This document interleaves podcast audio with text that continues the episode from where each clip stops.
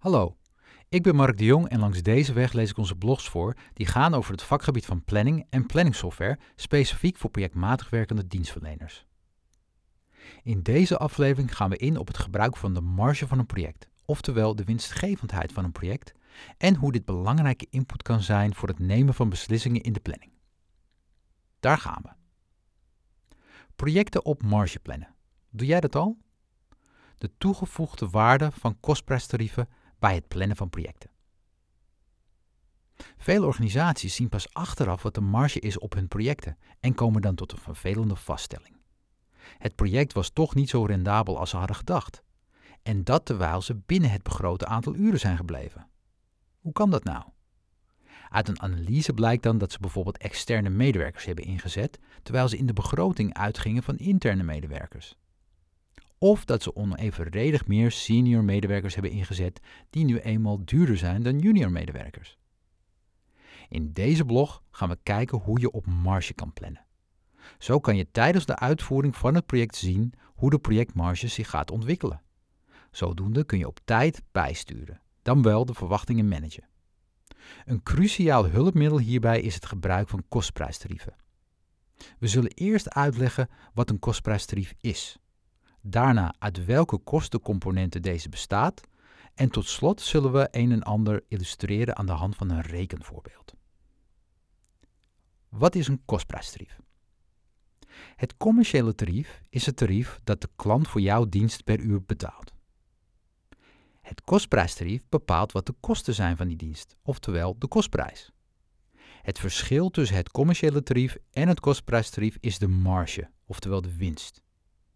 Als je met kostprijstarieven werkt, dan kun je eenvoudig de marge per project, klant, medewerker, functie enzovoort vaststellen en deze gebruiken om te analyseren. Dat levert interessante inzichten op. Bijvoorbeeld dat sommige klanten zeer de moeite waard zijn, terwijl je van anderen beter afscheid kunt nemen.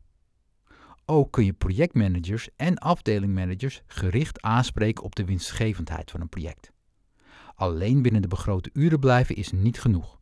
Ze moeten het project en daarmee ook het bedrijf winstgevend laten draaien. Naast dat de marge inzicht biedt voor het plannen, levert het informatie op voor het aanpassen van de commerciële tarieven en het beheersen van de kosten. Heeft het werken met kostprijstarieven altijd zin? Ik kan me één situatie voorstellen waarin het geen zin heeft. Namelijk bij een klein bedrijf met één afdeling met medewerkers van hetzelfde salarisniveau en een homogene dienst die aan klanten wordt geleverd op basis van nakalculatie. De kostprijs is dan voor elke medewerker en elk project hetzelfde. Ook al worden de begrote uren overschreden, de kosten worden altijd volledig gedekt omdat men op basis van nakalculatie werkt. Als hetzelfde bedrijf ook op basis van vaste prijs werkt, dan wordt het gebruik van kostprijstarieven al interessant. Ze kunnen dan bij overschrijding van het begrote aantal uren precies zien hoe de marge op het project hierdoor wordt aangetast. Ze kunnen immers niet meer dan de vaste prijs doorbelasten.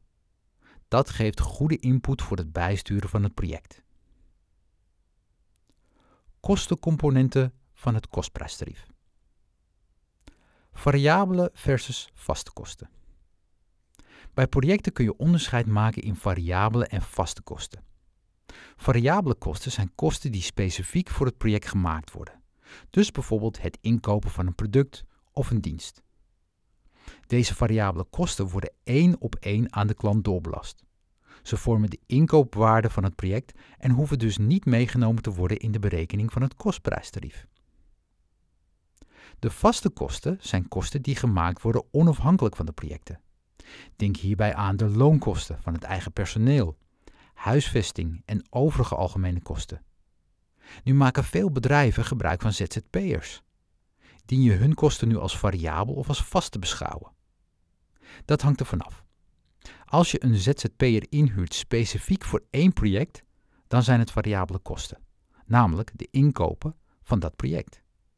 Heb je echter een structurele inzet van ZZP'ers als onderdeel van je personeelsbestand, dan dien je deze als vaste kosten te beschouwen vaste kosten, direct en indirect. Bij de vaste kosten wordt weer onderscheid gemaakt in directe en indirecte kosten. De directe kosten zijn de loonkosten van eigen medewerkers en de ZZP'ers die je structureel inhuurt. Deze kosten bestempelen we als direct, omdat de medewerkers uren besteden aan projecten en op die manier kunnen we een toerekening maken naar de projecten. De indirecte kosten zijn dan per definitie alle overige vaste kosten.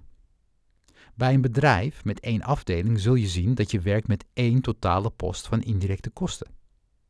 Bij grotere bedrijven met meerdere afdelingen is het mogelijk om een deel van de indirecte kosten wel specifiek aan afdelingen toe te rekenen. Denk bijvoorbeeld aan huisvestingskosten, die je kunt verdelen op basis van het aantal vierkante meters per afdeling. Toerekening middels productieve uren. Een kostprijstarief wordt uitgedrukt als kosten per uur. Nadat de vaste kosten zijn bepaald, dienen ze te worden toegerekend aan uren. Je gebruikt hiervoor het aantal productieve uren per jaar. Met productieve uren wordt bedoeld het aantal uren dat een medewerker op projecten werkt. Dus exclusief verlof, ziek en besteden uren aan interne werkzaamheden. Vaak kun je op basis van ervaringscijfers uit het verleden vaststellen hoeveel uren dit zijn. Voorts dien je dit eventueel aan te passen naar de prognose voor het komende jaar. In de regel stel je per functie een kostprijstarief vast.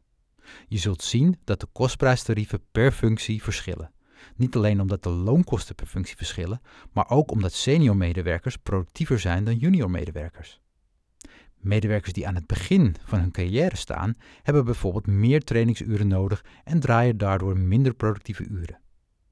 Dit heeft ook zijn weerslag in het kostprijstarief. Plannen op marge. Een rekenvoorbeeld. We nemen als voorbeeld een klein ICT-bedrijf dat voor het volgende jaar met kostprijstarieven wil gaan werken. Ze hebben junior en senior medewerkers. Daarnaast werken ze structureel met een aantal ZZP'ers, die tegen een gemiddeld tarief van 70 euro per uur worden ingehuurd. In onderstaande tabel is de verwachte samenstelling van het team weergegeven. Op basis van historische cijfers per functie is een inschatting gemaakt van de verwachte productieve uren. In de kolom FTE is het gemiddeld aantal FTE per functie opgenomen. Hierin is ook de verwachte in- en uitstroom van medewerkers verdisconteerd. Verder maken ze een begroting van de opbrengsten en kosten voor het komende jaar.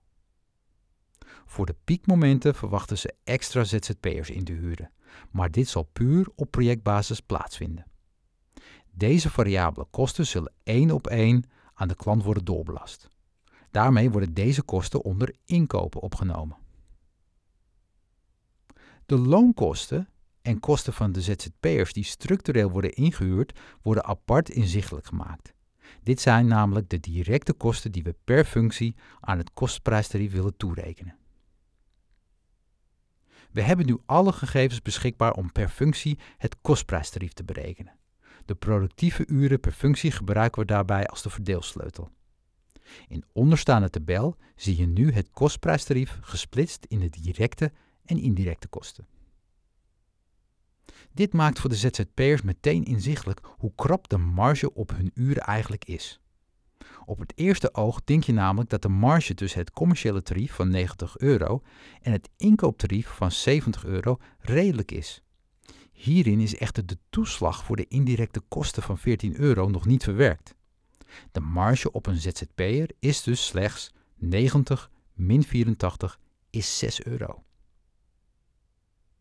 Wat kunnen we hier nu mee tijdens het plannen?